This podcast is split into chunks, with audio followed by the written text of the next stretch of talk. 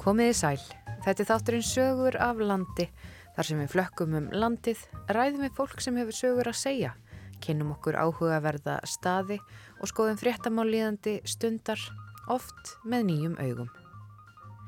Það er frétta á dagskrágerða fólk á starfstöðum Rúf á landsbyðinni sem að vinnur efni inn í þáttinn og ég heiti Gíja Holmgerstóttir og er umsjónamaður þáttarins og með mér í dag eru þeir Ágúst Ólafsson, fréttamaður á Norðurlandi og Rúnarsnær Reynisson, fréttamaður á Austurlandi. Ímiskonnar grúsk verður til umfjöllunar í þætti dagsens. Við byrjum á að slá á þráðin til kvennfélagskonunnar Margreðar Tryggvadóttur á Kvolsvelli og hún ætlar að segja okkur allt um yfirgripsmikla handverksýningu sem kvennfélagið eining stóð að það skemmtilegasta í kvennfélagi það er þegar við erum að vinna að einhverju saman, alla margar eða flestar. Þá fyrst er gaman. Við áttum nokkuð í alveg á því hvað þetta var mikið vinna þegar við gríðum, en þetta er bara samt að bara æðislega skemmtilegt. Því næstir ferðinni heitið á Móturhjólasafn Íslands, þar sem Tómas Ingi Jónsson segir frá tilurð sapsens og nokkrum velvöldum sapgripum. Og hér getur við síðan mynd sem tekja í Ingóli hérna inn við gamlu tunnuðarsmiðuna 1918 mm. og þetta hjól er svona dýrgreipu sapsins. Aðlokum verður rætt við Ásker Kvítaskáld, rittöfund á Eilstöðum sem skrifað hefur bók út frá síðustu aftökunni á Östurlandi. Sem sagt morðið sem var framið í Naporni sem margir Östurlandi þekkja þess að sögu og, og, og í framhaldinu þá var framkvæmt síðasta aftakan á Östurlandi sem gerist á, á hérna, mjóerinninni Ræskifyrði. En við byrjum á að ringja á Kvolsvöll og forvittnum staðin sem kvennfélagsstörf og þá aðalega síningu sem kvennfélagið á svæðinu hefur sett upp í félagsheimili í fljótslið.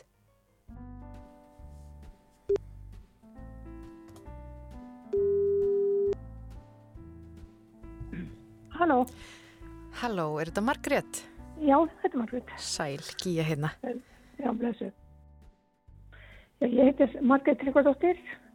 Ég er leikskólakennara ment og, og ég sér kynslufræðum líka og hef búin að vinna sem kennari bara eiginlega allt mitt líf en er hægt fyrir þó nokkuður síðan. Og í kvennfélaginu var ég formaður í sex ár en er ekki, ekki í stjórn núna. Ég er bara almenn kvennfélagskona og finnst það bara mjög þægilegt. Hvernig er nú að vera í kvennfélagi? Það er bara indislegt. Það er bara eftir allar konur að þrýfa sig. Sérstaklega ef þú ert að flytja á nýjan stað og langa til að kynast fólki þá er besta leiðin að gangi kvennfélag. Já því að þar kynistu bara konum á öllum aldri og, og, og fljótt eru bara eftir búin eignast vinkonur. Ég flytti þegar ég var 23 ára og flyttist ég í, í sveit, austur á skóun Þekkt engan hafði aldrei komið þar áður. Svo sem er hvað ég nú að gera, það kemur nú engin og banka bara upp á hjá manni. Þannig að ég bara gekk í kvænfélagi og þar með var ég búin að kynast konum í allir sveitinni.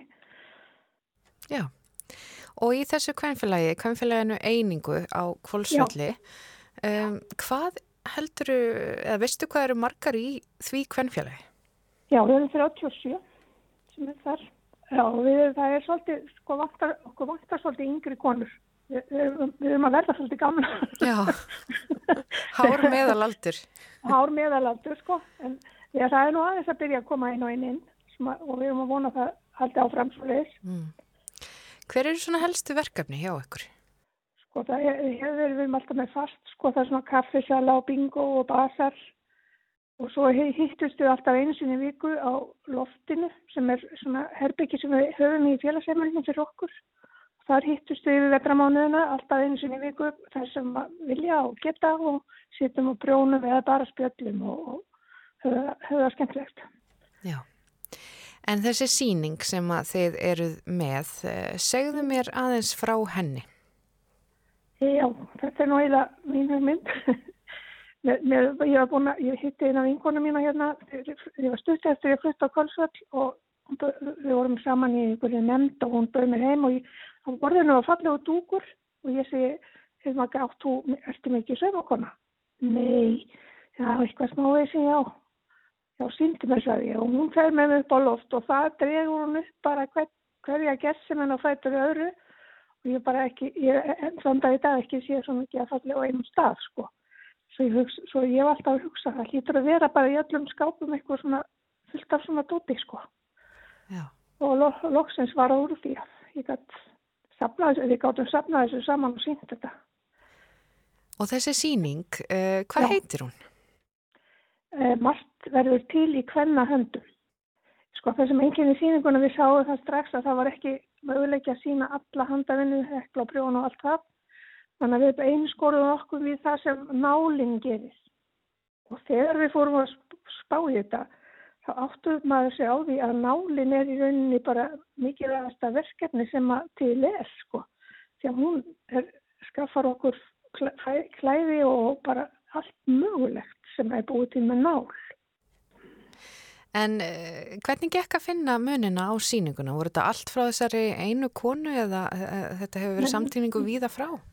Nei, nei, hún er hún flutt hérðan sko, þannig að það er ekki eins og heilt hlutur frá henni. Nú, nú, já, já. Já, en hérna, það er við, við bara kveimslaskonar gengur bara í það að finna, finna minni bæði heima hjá sér og mömmu sinni og sýstum sínum og svo bara hverjum sem það er þeim datt í hug á svæðinu hérna á Suðurlandi og þetta var fljótt bara gríðari ósköp af, munum sem við fundum. Við, náðum yfir þri- 300 munum og við getum, gátum ekki sínt á alla sko, þetta, er pláss fyrir það, þó við hefum heilt félagsheimili til þess að sína. Þannig að þetta var mjög skemmtilegt. Og voru allar konunnar viljóar til þess að láta munina af hendi og, og sína það? Af Því að Já, ja, ef þær eru í skúfum og, og, og skápum þá er, maður þekkir þess að svona hóvarð, gagvart svona Já, hlutum?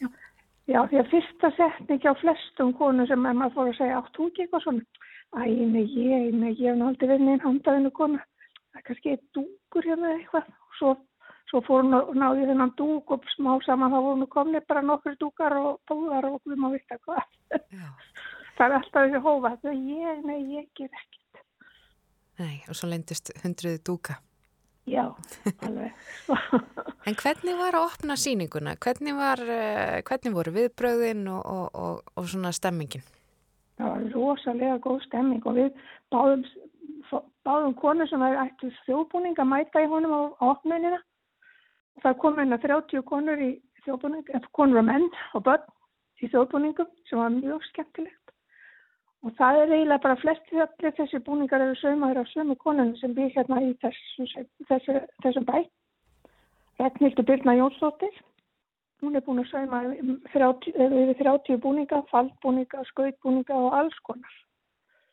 En okkur fannst þetta alveg óskaplega gaman að fá, fá allt þetta fólk í búningum og fleiri sko.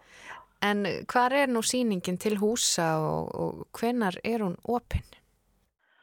Hún er hérna til sínis í Góðalandi í Fljóslið og þetta er, þetta er svona 10 kilometra frá Kvolsvelli þannig að það er ekki, ekki langt að fara.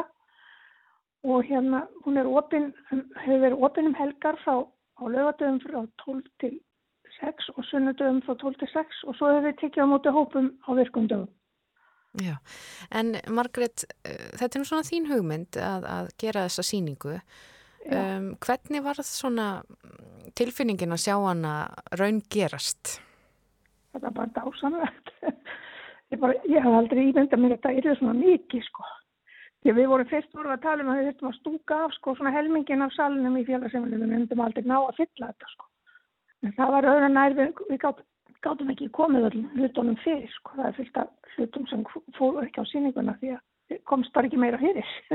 Já, Og svo segir fólk við okkur núna að svona síning á bara að vera all, alltaf uppi. já. Það á að vera eitthvað svona handavinnu síning bara. En uh, talandi um framhaldslíf svona síningar, uh, hvað ætlið þið svo að gera við, þetta eru þessi munir og þið hafi fengið góðar viðtökur og það eru þetta gaman að þetta sé ekki geimt í skúfum og skápum. Hafið ykkur hugmyndum hvað verður? Við erum ekki komin að svo langt.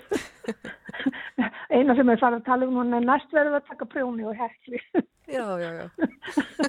en hvort við leggjum í það, það er önnur saga, sko. Það er önnur hvernig að getur tekið það upp, sko. Bara, bara þetta getur kannski sett upp svona síningu á Norðurlandi og Östurlandi og Vesturlandi, sko. Það er allir möguleikar. Eh, Er, er eh, oft sem að kvennfélög setja upp síningar eða eru þeir svona brautriðendur? Ég bara við veit að það var sett upp niður þykvapar fyrir nokkur árum mjög skemmtileg svona síning sem var bæði munir og munir og handverk og mjög skemmtileg síning. Að, aðra síningu veit ég ekki um en það getur nú verið fyrir því sko. Já. Ég veit alveg upplagt, upplagt fyrir hvernig fyrir að gera það. Bara að skemmla sér í síningu. Já. Uh, þetta er mikil vinna eða hvað? Já, en skemmtileg. Mjög skemmtileg vinna og þegar það, það, það skemmtilegasta í kvensalegi það er þegar við erum að vinna að einhverju saman, alla margar eða flestar. Þá fyrst er gaman. Við áttum nokkuð í alveg á því hvað þetta var mikið vinna þegar við byrjum en þetta er bara samt að bara æðislega skemmtilegt. Já, gaman að þessu. Uh, Margrét Tryggvadóttir á Kvolsvelli, hvað ætlar þú svo að gera í, í dag? Í dag eh, tekja móti einum hópi í kvöld. Það kemur einn, einn hópi klukkan átta í kvöld. Annars er ég bara svona njóta veðsins, fara út að ganga og... Og hafa það hugulegt. Hafa það notalegt, já. já. Það er frábært svona í haustinu. Uh, takk hérlega fyrir þetta spjall og, og gangi ykkur vel með síningun ykkar og, og, og það verður gaman að fylgjast með hvað svona verður í framhaldinu. Já. Bara, bara bestu þakkir og bestu hverjir. Já, já, semlega. Já, bless. bless.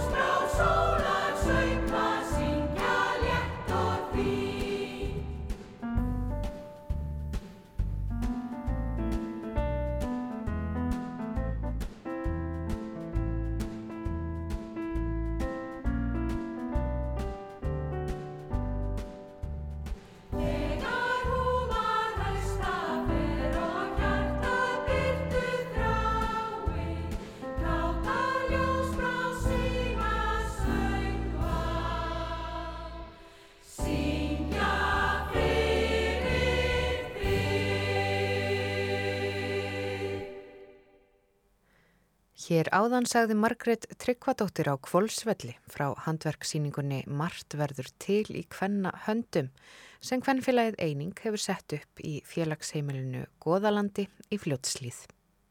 Lægið sem hljómaði var með kvennakortnum Ljósbrá, lægið Sólar söngur Ljósbrár en kórin starfar í Rángarvallasíslu.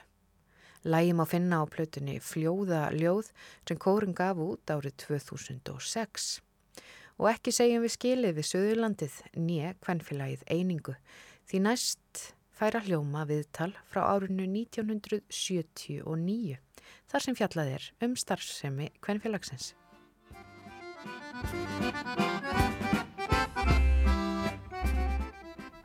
Næstingum við niður staf okkar á Stórólskóli í Kólreppi hjá frú Kristínu Guðmundsdóttir sem er formaður kvennfélagsins einingar í Kólreppi og er aukt þess í stjórn sambands sunnlenska kvenna.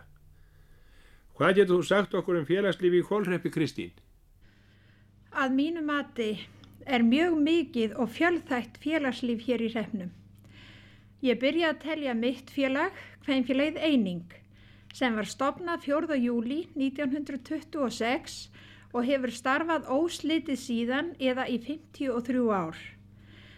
Það er starfandi ungmannafélag, leikfélag, tablfélag, britsfélag, rótarífélag, kívanitsklúpur, sívanikfélag, björgunarsveit, starfsmannifélag kaupfélag rángæðinga, búnaðafélag svo að eitthvað sé nefnt og ger ég nú ráð fyrir því að ég gleymi einhverju.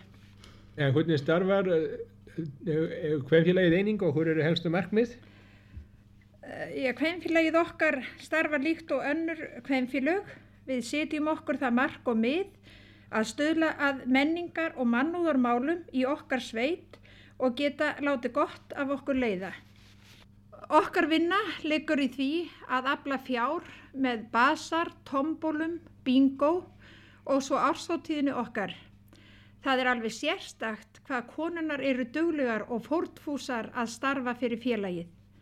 En tekjunar sem við öflum renna allar til mannúðarmála og við höfum styrt barnaheimilið, kirkjunu okkar, björgunasveitina, gefið jólagjafir og til líknamála svo að eitthvað sé nefnt. Og til dæmis vil ég geta þess að fyrir nokkrum árum að þá gáfum við björgunasveitinni 20 lopapeysur og 20-30 pör af sokkum og vettlingum sem að hún á ef að það lendir í einhverju sem að, að þeir þurfa bjarg og sjávarháska eða eins og þú skilum að svona við ströndina. En segðu mér eitthvað um ársáttíðinu, nú var ég svo óheppin að þið áttu ekki efni sem að hafðaði til eirans engöngu, þú, ég, þegar ég var að tala þetta við þig að þá gastu nú fyrst og fremst bóðið mér eitthvað slíkt. Já, ársáttíðin okkar er nú alltaf í janúar og það eru mjög góðar skemmtanir til ég. Við höfum oft bóðið til okkar kveinfélagskonum og mönnum þeirra úr nágrannasveitunum og hefur það verið mjög ánægulegt. Við kjósum 6-8 konur í skemmtinemnd sem sér um veitingar og skemmti efni. Það er oftast heimafengið og flutt af félagskonum og heimamönnum og er þar oft lagt mikið á sig við undirbúning svo að allt fari sem best fram. En farið þetta eitthvað í skemmtiferði líka?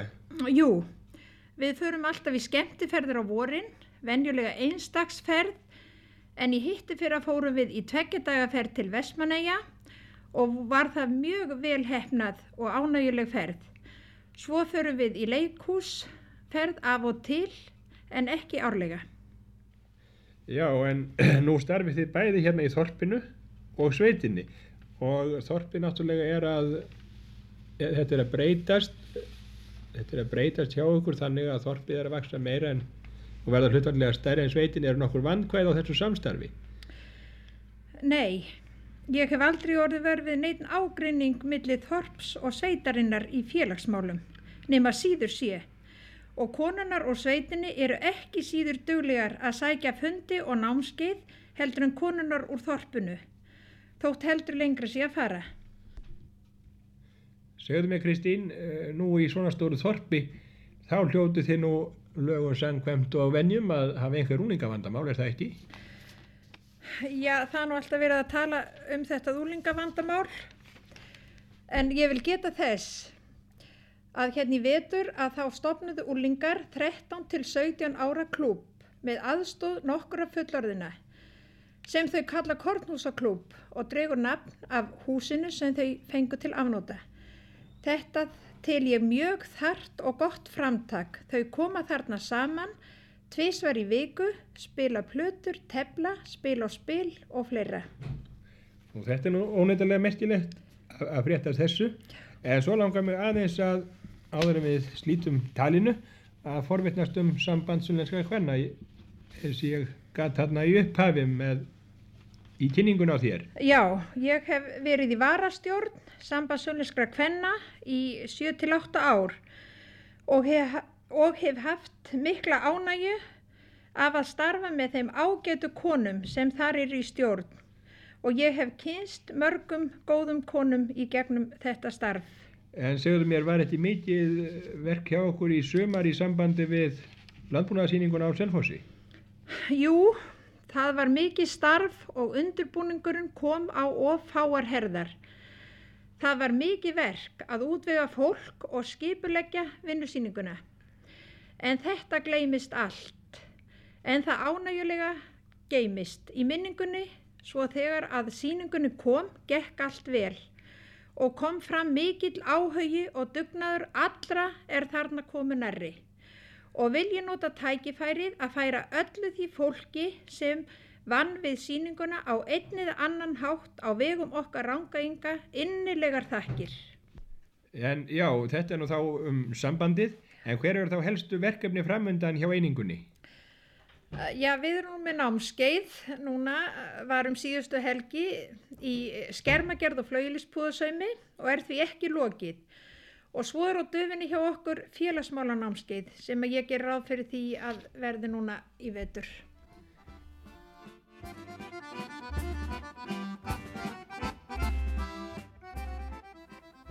Magnús Finnbogason rætti við Kristínu Guðmundsdóttur um starfsemi kvenfélagsins einingar. Viðtalið er frá árinu 1979 en þá var Kristín formaður kvenfélagsins. En frá kvenfélagsstörfum að fornu og nýju yfir í sögu móturhjóla. Árið 2011 opnaði á Akureyri móturhjólasafn og þar er hægt að skoða sögu móturhjólsins á Íslandi. Ágúst Ólafsson, fréttamaður á Norrlandi, skrappa á safnið og forvitnaðist um starfsemi þess.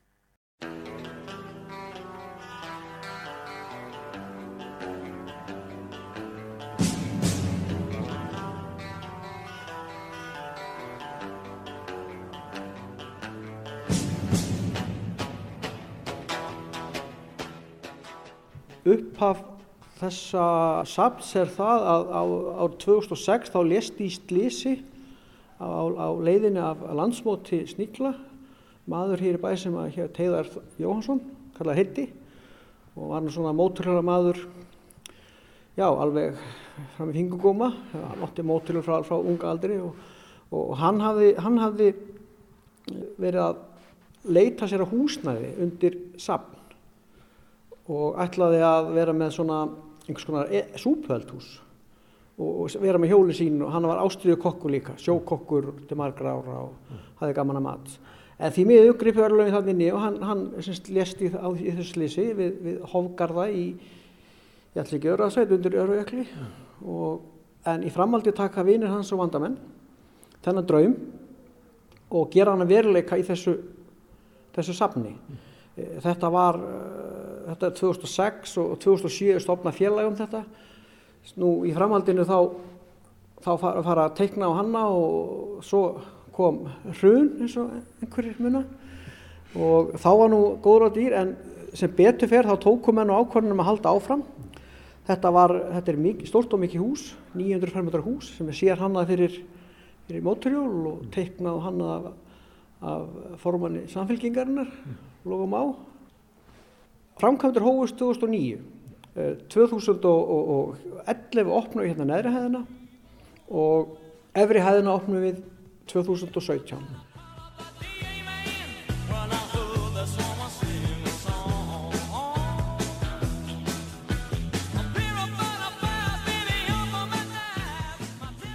Ég semst heit Tómas Ingi Jónsson er í stjórn mótalarsafnis. Það er ótrúlega að koma inn, Tómas, uh, það er hjól hér út um allt og, og alls konar gera í hjólum nýju og gömul og allavega. Hvað eru mörg hjólinn inni, veistu það? Já, ég, það, þau eru um hundrað. Þetta, sko, safnið er, sagt, sínir þverskur mótrhjóla samfélagsins eða, eða sögu móturhjólsins á Íslandi. Mm -hmm. Þannig að hér eru, eru hjól, elsta hjóli okkar hérna uppi er sér 1918 mm. uh, og upp, upp í það að vera hérna, já kannski ekki alveg ný hjól en, en svona nýleg, en, en sko flóran er mikil mm. og erlendir gestir og jafnvel bladamenn og annað sem hafa komið hérna, þeir, þeir einmitt hæla safnir sérstaklega fyrir þetta að það er að sína íslensku söguna. Við erum ekki að sína hérna dollargrín upp á veggjum, þau eru ekki til á Íslandi því að móturhjólsagan í Íslandi er bæði stutt og, og, og, og lítil. Ja. það voru einhver vegir hér og móturhjól endur stíla en við eigum samt hérna dýrgripi sem eru hérna eiga jafnvel sögu alveg hérna frá Akkuris síðan 1918 Það er alltaf maður sem hérna og spurning hvaða leið við förum. Það, þú, þú ræði því. Hérna. hér eru er alveg ótrúlegustu ótrúlegustu móturhjól og, og eldgömmul og allavega sum illalítandi út og sumum betri. Hér er nú, hér er nú einhver pínu, pínu luxussalur og byggharrar og allt saman sko. Já, þetta er, þetta er það sem við kallum höll heiðars, eins og ég sagði á þá er, þá er safnið, er, er hérna almennt safn, en það er stopnað í minningu þessa manns, þessa heiðars, og hér inn í þessum sal eru svona hans uppáhald sjól og svona persónlegu munir. Byggharrar hér upp á veggjum og upp á hillum og, og myndir á veggjum og, og alveg magnaðir mótihjóla gallar, leðujakkar og fleira. Já, við náttúrulega erum ekki bara að safna móturhjólu, við erum að, við erum að, við erum að reyna að fanga söguna og, og, því fylgja, fylgji búnaður og, og gamli munir tengdir móturhjólum og okkur áskotnast, hefur áskotnast mjög mikið á svoleiðis hlutum. Hvaða gesti fáið þið á, á safnið? Hverjir koma til ykkar? Já, við fáum náttúrulega, eh, þetta er svona sjálfsögur bland Íslandingar og ellendi gestir en, en, en sko, hérna, kanadnir eða sem bandarækjumenn eru mjög, þeir hafa mikið áhuga á móturhjólum og brettar, það er þetta verið aðeins minna en þá núna undanfærið. Mm -hmm. Allir sé ekki ástandið bara í heiminum, það er færarferðinni en, en, en allavega semst, það er þessir blanda af Íslandingum og erlendum gestum. Mm. Uh, Íslandingarnir eru eins og staðan í dag flestir utanbæðar. Mm. Uh, það er sama með þetta safnæstu svo mörg önnur hér í bæ að í akkurrengarnir þeir, þeir láta nú ekki mikið sjá sig. Mm. En þeir sem koma einna þeir eru, eru mjög glæðir og, og það er nú að segja stálum að við höfum fengið nokkuð góða dóma frá, jafnvel, frá ellendum aðlum hvað þetta er svona fjölbreytt og, og, og, og stórt og mikið. Menn eigi jafnvel ekki vona á svona stóru safni hér norður í landi því að þetta er, þetta er eina mótilega safni í Íslandi. Sko. Segðu mig hvernig þið hafið komist yfir öllu hjól. Hverjir, hverjir, hvaðan fáið hjólinn? E, kemur fólk til ykkar af því að það veit af ykkur hér eða eru þið að sækja hjól á netinu eða hvern, hvernig fáið alls hjól? Flest hjólinn hérna, eða 60, rúmlega 60% af hjólunum er í eigu sapsins og fjölskyldu þessa umræta heiðars. Mm. Uh, og, og hann átti sjálfur svona 25 hjól mm. þegar hann held frá og þau eru öll hér og það er svona grunnurinn af sapninu. Nú, sapni er, við erum að reyna að hafa sapni lifandi, við erum að taka svona tíu hjól hverju ári og, og, og endur nýja og fá ný. Mm. Það er mjög mikið af fallegum hjólum og dýrgripum sem við vitum af. Mm. Eh, við viljum ekki fá þá, þá alla 1 og 3, við viljum að treyna okkur þetta aðeins því að við erum búin að sjá það eftir að vera búin að reysa þetta hús að, að, og, já, og þá er, syst, við erum ekki að fara, þetta er komið til að vera. Sko. Ef við erum alltaf eins og upp á, á öðru þið, þetta eru tveimur hæðum og, og hér er myndanlegu stíi upp á loft og, og enn blasa við okkur sjálfgjaf hjól. Elsta hjóli hérna uppi segiru? Já. Hvað er það? Það er þetta hérna. Henderson, 1918 ára gerð. 1918, já. Já. Og þetta er elsta móturhjól sem til er á Íslandi gangvært. Það eru til hlutaruhjólum sem eru einu, tveimur árum eldri. Mm. Nú, fyrsta móturhjól kom til Íslands 1905. Mm. Uh, það var hins vegar sendt aftur tilbaka til Danmerkur. Það var danstjól. Mm. Uh, þetta hjól, uh, akkurengar kannski og fleiri þekkja sögu hérna, Esbólin bræðra. Ingólfur Esbólin og bræður hans, þeir, þeir fættir uppaldir í, í Esbihóli mm. og kenna sig við þann bæ þó þeir hafa verið enda flutt snemma í hinga til Akureyrar en þetta voru miklu frumkvæðlar og þeir, þeir bræður og ég held nú reyndar Ingólfur hafi, keftu þetta hjól 1918 mm. og hér getur við síðan mynd sem tekja hann Ingólfi hérna inn við gamlu tunnuðarsmiðuna 1918 mm. og þetta hjól er svona dýrgreipu sapsins þetta er og, og, og okkur finnst líka mjög gaman að hún, þetta tengist náttúrulega hingað ja. til okkar Sko mótorun á þessu hjóli er auðvitað allt öðruvis en á, á nýri hjólum eh, er þetta gangvært? Já, það er gangvært þegar hjóli var 100 ára 2018 þá keirðu við það Já, það var í, í að tilhengni 100 ára fulleldi samanlega Íslands mm. þá var meiningin að setja það í gang og keira það og við vorum með mikil plönum hvernig ætlum að gera þetta það þetta er, þetta er gamalt og það er magnetta í þessu sem er nú svona mm. svolítið vand með farin. Það tók okkur tvo dagar einn að koma hjólinn í gang og við vorum alveg úrkóla vonar að það tækist að setja það í gang. En kortir áður en við ætluðum að keira þá datt það í gang og við ætluðum að keira það hérna nokkra metra taka upp á bíl og keira það svo fram á SB-hól mm. þetta eru 13-14 km í maður en hjóli gekk svo vel að þeir brunuðu bara á því allarlega fram með SB-hól og þá sögðu við að hjóli væri komið heim þó að hjóli hafi nú reyndar ekki þeir voru fluttir þaðan mm. þegar þetta var en þetta er svona skemmtilega saga og, og, og getur við alltaf einhverju, einhverjum öðrum dýrgjöfum hér uppi hér? Já, hér getur við séð séð hérna laurugluhjól mm. hér má sjá fyrsta laurugluhjól sem var hér á Akureyri og reynda að það voru fleiri svona hjól mm. víðar hér má svo gamla þekkta Akureyringa á þessum hjólum. Mm -hmm. nú hér er hjól sem er þekkt hérna frá Akureyri. Þetta er Moto Guzzi California 850 73 mótil sem var lengi vel laurugluhjól hér á Akureyri. Mm. og uh, þetta er nú ekki gangfært. En við sem að hér, hér á Akkur búin þekkjum náttúrulega þess að þetta eru, þetta eru sko, það eru fjögum ótrúlega sem voru hér í, laurugluna Akkur síðasta hjóli var, var lagt minni með 1995 eða 6 mm.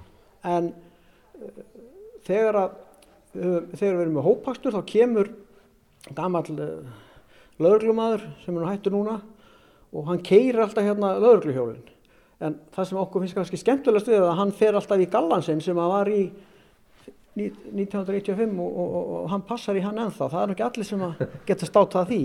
En hann kemur í heimsókn í, í reglu Já, hann kemur hérna reglulega Já, Tómas, það er, við getum endalust farið hér á milli hjóla en hvernig hvernig þið fyrir ykkur framtíð sapsins? Ég heyrið aðra ykkur þau ekki vendumund og þetta er svona innan, innan fjölskyldunar og hvernig þið vantilega verið hér bara áfram á næstu örin? Já, já, samt þó, þó að þetta sé tengt þessara fjölskyldu og þessar manns, þá er þetta eins og sé almennt sapn og er sjálfsegnustofnun mm. sem þýðir það að þetta er ekki eigu, bara alþjóðar þannig.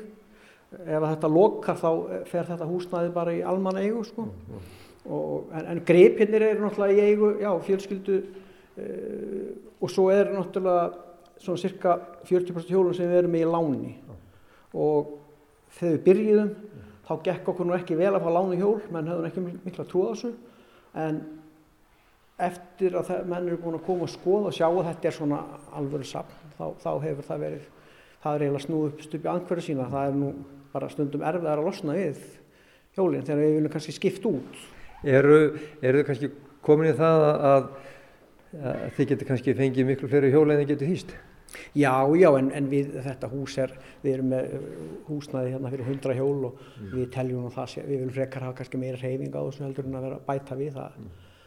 Þetta er alveg nógu erfitt að halda þessu gangandi eins og öllu safnastarfi í þessum gera sko.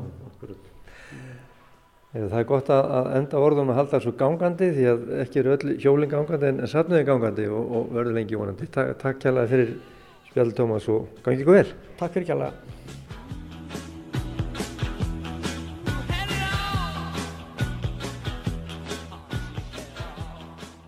Ágúst Ólafsson rætti við Tómas Inga Jónsson á móturhjólasafni Íslands á Akureyri en safnið var stopnað í minningu Heiðars Jóhanssonar sem ljasti bifjólaslisi í Öræfasveit á leið heim af landsmóti Sníkla. Sapnið var formlega opnað þann 15. mæ 2011 en 15. mæ er fæðingadagur heiðars.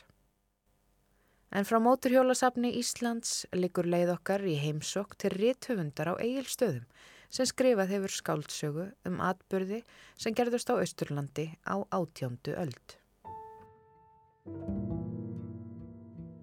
Átjándu öldin á Íslandi var allt annar heimur en við þekkjum í dag. Ísland var stjættskipt bændasamfélag og má segja að tvær stjættir hafi lifað í landinu, bændur og vinnuhjú. Þeir sem ekki áttu bíli voru skildugir til að gerast vinnumenn hjá bonda og gildu um það lög sem hafa verið kollu vistarbönd. Allt jarnaðis löst fólk skildi vera í vinnumennsku og hafði bondin algjör völd yfir fólkinu. Bóndi fekk af allan arð að vinnu hjúa hvort sem hún var unnin á bílunu hans eða utan þess. Ef vinnumæður fór til dæmis til sjós fekk bóndi allan abla sem vinnumæðurinn dró. Hjú máttu ekki yfirgefa bæin nema með leifi en máttu kæra húsbónda til reppstjóra ef hann stóð sig illa. Það var reynda fátítt en það hafði húsbóndi hýrtingar vald yfir vinnuhjúum sínum. Fjölmörg dæmi voru um að ungir menn strykju úr vistarböndum, færu á flakk og gerðust jafnvel útilegumenn. Og þannig var það með þrjá drengi í Breiðdal árið 1784 en flótti þeirra endaði með ósköpum. Ásker Kvítaskáld, rittöfundur á Eilstöðum, hefur skrifað skáldsögu um örlög eins þessara pilta, Eiríks Þorlákssonar og nefnist bókin Morðið í Naphorns klettum. Eiríkur var hálshögvinn árið 1786 og var það síðasta aftakan á Östurlandi. Rúnarsnær Reynisson hitti áskeir á dögunum og fekk að heyra um nöturlug örlög piltana þryggja.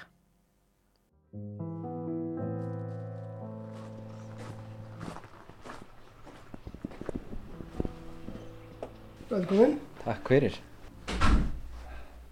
Þetta er nýju, nýju heimkynni og hér er stort borð, hér eru bækur og hér er slett.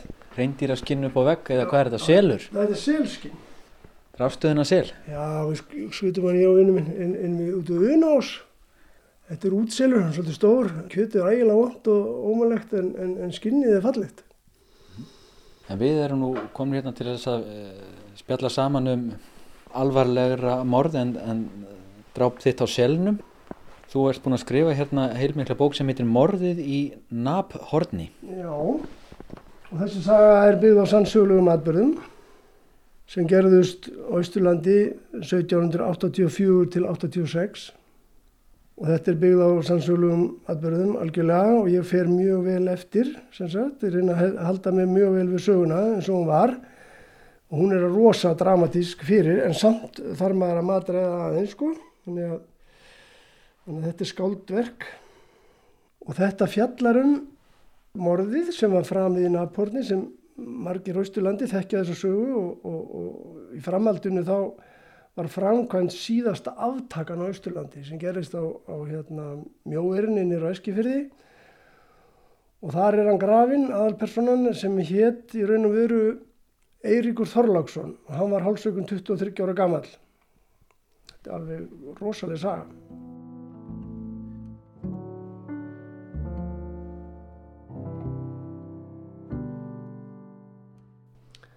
Ég heit Ásker Kvítaskáld og ég er rittöfundur og kvikmyndagerða maður og tristmiður og skúringakelling og eitt og annað. Ég vann fyrir mér í, í Danmörku sem skúringamaður. Þannig að maður er nú gert ímislegt um æfina en, en, en skáldskapurinn hefur alltaf einhvern veginn haft sterk ítök í mér. Og þegar ég rakst á þessa sögu hérna á Ísturlandi þá eiginlega vaknaði áhuga á mér að skrifa skáldverk út úr þessari sögu því að hún er mjög merkileg. Hvað er Naphorn og hvað gerðist þar? Já, Naphornið, það er fjall á, á Berufjörðarströndinni, á milli Berufjörðar og hérna, Breitalsvíkur og, og þar knæfur þetta fjall yfir með ægilegri gnípu efst og það er um 630 metrar hæð eða eitthvað svo leiðis og þar efst uppi er sem sagt hellir, útilegumanna hellir sem þessi drengir vissu um og, og það er gömul kona frá Breitalsvík sem hefur haft samband við mig og við fórum þarna saman, hún benti mér á hellirinn og ég sá hann bara alveg um leið. Ég hef búin að rýna upp í fjallið og filma það og leita að þessum hellir og, og, og nú veit ég hvað hann er og mér langar að fara upp í þennan hellir og skoða það. En ég hef búin að skrifa bókina þannig ég get engu breytt. Þetta er sem sagt þrý strákar sem strúka úr vistaböndum því að þeim fannst að bara vera barnaþrælkun. Það var bara, eh, þeir svo voru fátækir, þeir voru þvingar til að þræla á bæjum út um all land og þeir, þeim langar til þess að hérna, bara lifa sem útilegumenn af, af, af landinu og, og borða egg frá mófuglum og kvannarót og svona eitt og annað. Og leiðinni þeirra að flýja í þennan hellir þá hérna, borðar eitt þeirra úldin hest og verður gífulega veikur af því. Þeir óttast að hann muni fara til byggða, strúka og, og, og, og hérna, kjafta frá uh, leynistanum. Þannig að þeir sker órunum tunguna fyrst og síðan myrða er hann þeir drepa hann.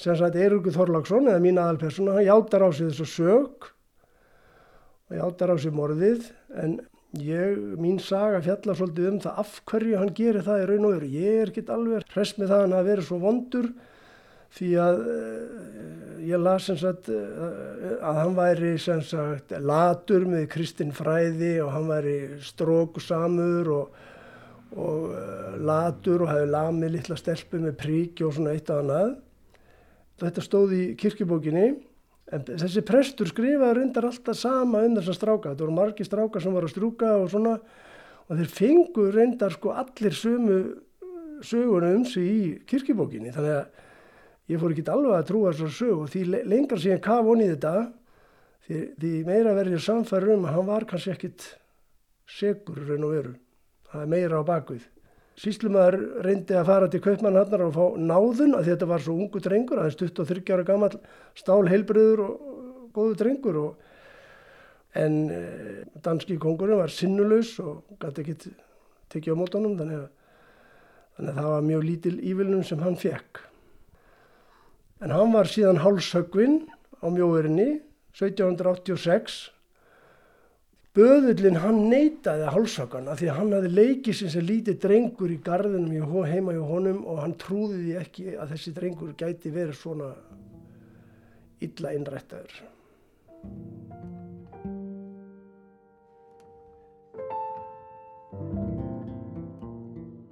Og exin var náttúrulega nótuð sem kjöteksi hjá kaupmanninu þannig að hún var býtlaus og það þurfti að höggva sjö sinnum áður en höfuðið fauka búknum.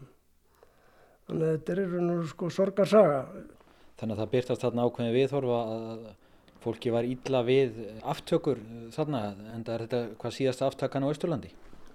Já, þessi aftaka var alveg hræðileg. Hún var mjög ljót og hérna og að, þá sáu allir að, að svona aftaka að bara á ekki að eiga sér stað og við vorum sem sagt undir dönsku lögum Þannig að það sáu allir að þetta var algjörlega ómanneskjulegt að vera hálsöka fólk á þennan hátt.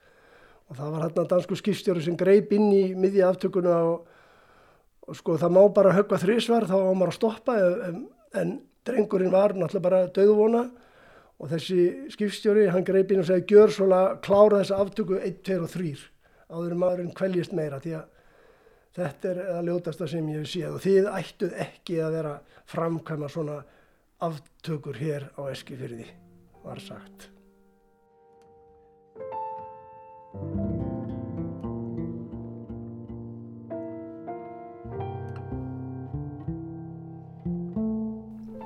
Hvernig gekk þér að finna heimildir um þetta uh, morð og réttarhöldin og svo framvegis?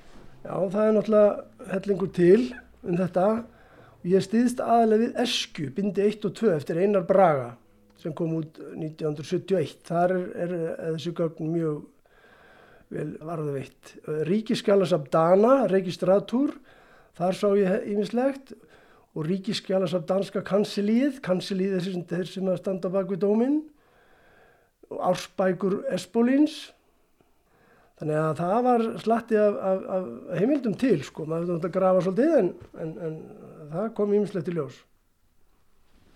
Svo er annað sem svo er stærsta heimildin er svo að ég fór stróku leið drengjana reyndar kyrðana mestnægnis en fór þá leið sem þeir fóru á millið þessara bæja, snækvamur og í gegnum breyðdalinn hvar þeir fóru yfir ána í breyðdalunum og svo faraður upp krossdalinn sem er á bakvið naporninu og koma aftan að, að naporninu og þannig komast þeir upp í hellin og það var svaka góð heimil til að geta líst aðstæðum og, og landslægin. Já, er það er náttúrulega bara staðrændir í þessum heimildum. Það kemur eitt mjög aðtilslegt fram að, að sagt, þessi Eirikur Þorláksson sem, sem var hálsökuinn, hann hafði fólk á móti sér sko. Það var einhvern veginn einhverju hluta vegna var hann hálfpartinn dæmdur af fólkinu svona áður en réttarhaldin fóru fram og í réttarhaldina þá er, er almenningsáldi á mótanum og mér finnst það reyndar bara að loða við ennþá í dag. En uh, þetta voru þrý drengir, einn var myrtur og einn var dæmdur á hálshöggvin, en hvað var þeim þann þriðja? Já, sem sagt þegar það er búið að myrða skerórun tunguna og myrðan, þá er þið tveir eftir upp í hellinum í naportinu og þeir skilja líki bara eftir og fara, fara á flakk nýri Áltafjörð og svo er þeir, svo kemur ljós að þessi eitt þeirra er horfin og svo fara þeir að kæfta frá og svona og kvissast út og annað, þeir ná í líkið og finna það og sjá að það er eins og sé stungu fara á brjóstinu og, og þeir eru þá teknir og hérna settir í fangelsi á eskifyrði en það bætist einn við, einn, einn ungu strákur sem hafi verið útlögum að frá, frá 14 ára aldri var þá árið 17 ára þegar þarna kemur sög og þeir þrýr eru, eru í fangaklefa. Þeir, sem er bara eitthvað eitthva loft á, á einhverjum, einhverjum skúr á, á eskifyrði en, en þeir strúka úr þessum kofa og þeir nást aftur. Og þá er síslumadur mjög óhrest því hann er, finnst að vera að reyna að hjálpa þeim og, og setur það í aðrar fangageimslu sem eru innst inni í eskifyrði sem er bara svona skrjót hrúa með rimla gati efst á illarænt fanga hóla og þá eru þeir settir þar í. Þá gerist það að, að hérna, sagt, aðalpersonan, Eiríkur, hann er stór og mikill og er, hann veit að það er búið svíkjan og þannig að þá afjötur hann hérna fangana. Báða tvo, þeir drepast og hungri í þessari hólu. Hann getur allir matin þeirra? Já, því að hann segir sko, já nú, nú ætlum ég bara að ráða, ég er sterkastur og þið að þið fara illa með mig og, og nú ætlum ég bara að endurgjálta það svikin ykkar. Þannig að hann er svo stór og sterkur að hann bara ítir þeim frá og tekur alla matin og getur hann sjálfur og það var rétt nóg fyrir hann því að það var mikil fátækt á þessum tíma.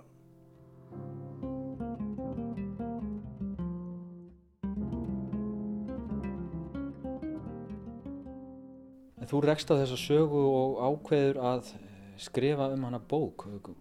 Hvað er það í þessari sögu sem að heillar þig eða kallar á þig? Já, sko það, ég rakst fyrst, fyrst á þessa sögu, bara svona spjaldi niður á, niður á hérna, mjóeirinu Eskifyrir, þar sem að Eirikur Þorláksson er grafin í kassa og þar stóðu svona að þetta hefði verið hálf vondustrákur og hann hefði verið latur við kristinfræði og eitthvað svona og strókið alltaf á vistinni og eitthvað svona og ég hugsa með mér það að til þess að saga kannski en, en, en, en ég nefndi ekki að fara að skrifa einhverju sögu um einhverjan vondan dreng. Svo rakst ég á aðra útgáfa á sögunni þar sem að hún var líst svolítið öðruvísi og svo sá ég þegar að ég sá það að, að, að, að presturinn skrifaði þetta sama um alla unga drengi á þessum tíma og svo þegar ég sé það að böðlinn neitaði að taka hana lífi þá fór ég að fekk ég áhuga að hugsa sko er þessi strákur segur eða, eða var eitthvað meira á bakvið sem gerði það lerskum hann játaði á sig morðið og þá fyrir skaldskapurinn á stað sko, þá verður svolítið gaman þegar maður verður að pæla einhverju svona og týna til móla hér og móla þar og, og setja saman sögu. Þetta hafa verið ansi grimmilegar aðstæður og, og íms grimd í þessari sögu? Já, þess vegna tók þessi saga mig algjörlega á, á beinið. Ég, hún let mig ekki friði, friði þessi saga. Hún, og ég hef búin að vera fórstuðan í fjögur ár. Ég hérna, skrifaði fyrst leikrit en svo virkaði það ekki nógu vel. Þannig að ég ákvaða að skrifa bók þar sem getur líst öllu, hugsanir og tilfinningar og allt komið upp á yfirborðið. Þannig að sagan sem þetta let mig ekki friði. Og nú er ég búin að skrifa og ég hef með bókinni fyrir fram að mér núna. Og ég er mjög ánæðið með að, að hérna, byrta þessa sögu fyrir hvert sem vil lesa. Áskir Kvítaskáld, þakka þið kjærlega fyrir spjallið. Takk sem leiðis.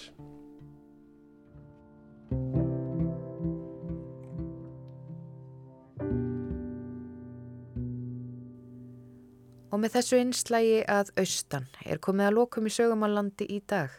Viðmalendur í þættinum, auk áskers kvítaskálds, voru þau Margrit Tryggvadóttir, kennari og kvennfjálgskona á Kvolsfelli sem sagði frá handverksýningunni Mart verður til í kvenna höndum sem kvennfélagið eining stóð að og er til sínis í Góðalandi í fljótslýð. Einni var rætt við Tómas Inga Jónsson sem sagði frá starfsemi Móturhjólasaps Íslands á Akureyri og við minnum auðvitað að þennan þátt og eldri sögur á landi má finna í spilara Rúf og öðrum hlaðvarpsveitum. Við þakkum þeim sem hlýtu, lifið heil.